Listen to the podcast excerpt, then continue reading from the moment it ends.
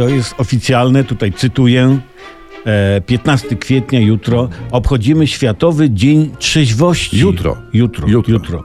Mający na celu, dalej cytuję, celebrację dni wolnych od alkoholu oraz zwiększenie świadomości na temat powszechności uzależnienia od tej substancji. Bo alkohol jest substancją, czyli jak to mówi fizyka, materią o niezerowej masie spoczynkowej. Haha, czyli że alkohol szybko znika, prawda? No tak chyba z tego wynika. Natomiast ktoś, kto nadużyje alkoholu, jest substancją o zerowej masie spoczynkowej, nie rusza się, tylko chrapie i przez sen pieprzy bzdury w formie niezrozumiałego bełkotu, dając wyraz, jeśli to, co artykułuje, jest wyrazem swemu szczęściu.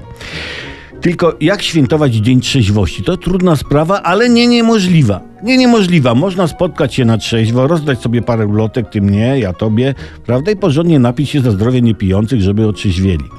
Bo w sumie dobrze, że jest tylko jeden dzień trzeźwości. Jakby był tydzień trzeźwości, to można by było popaść, popaść w ciągłe niepicie. A jak to się komuś spodoba? To lecz się później z abstynencji. A wychodzenie z trzeźwości bywa bolesne, bo alkohol po tak długiej przerwie na początku nie smakuje. Dopiero po jakichś 10 sekundach. I, i, I mówią, alkohol, i słusznie może, e, nie rozwiąże twoich problemów. A na przykład co, woda mineralna rozwiąże?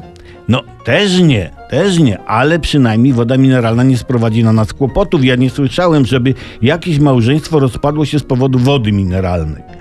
Z alkoholem trzeba uważać i ja proponuję zatem tak. Napić się solidnie podczas dni trzeźwości, żebyśmy nie wyszli na mięczaków, a przez resztę dni w roku zachować umiar. Taki zdystansowany umiar.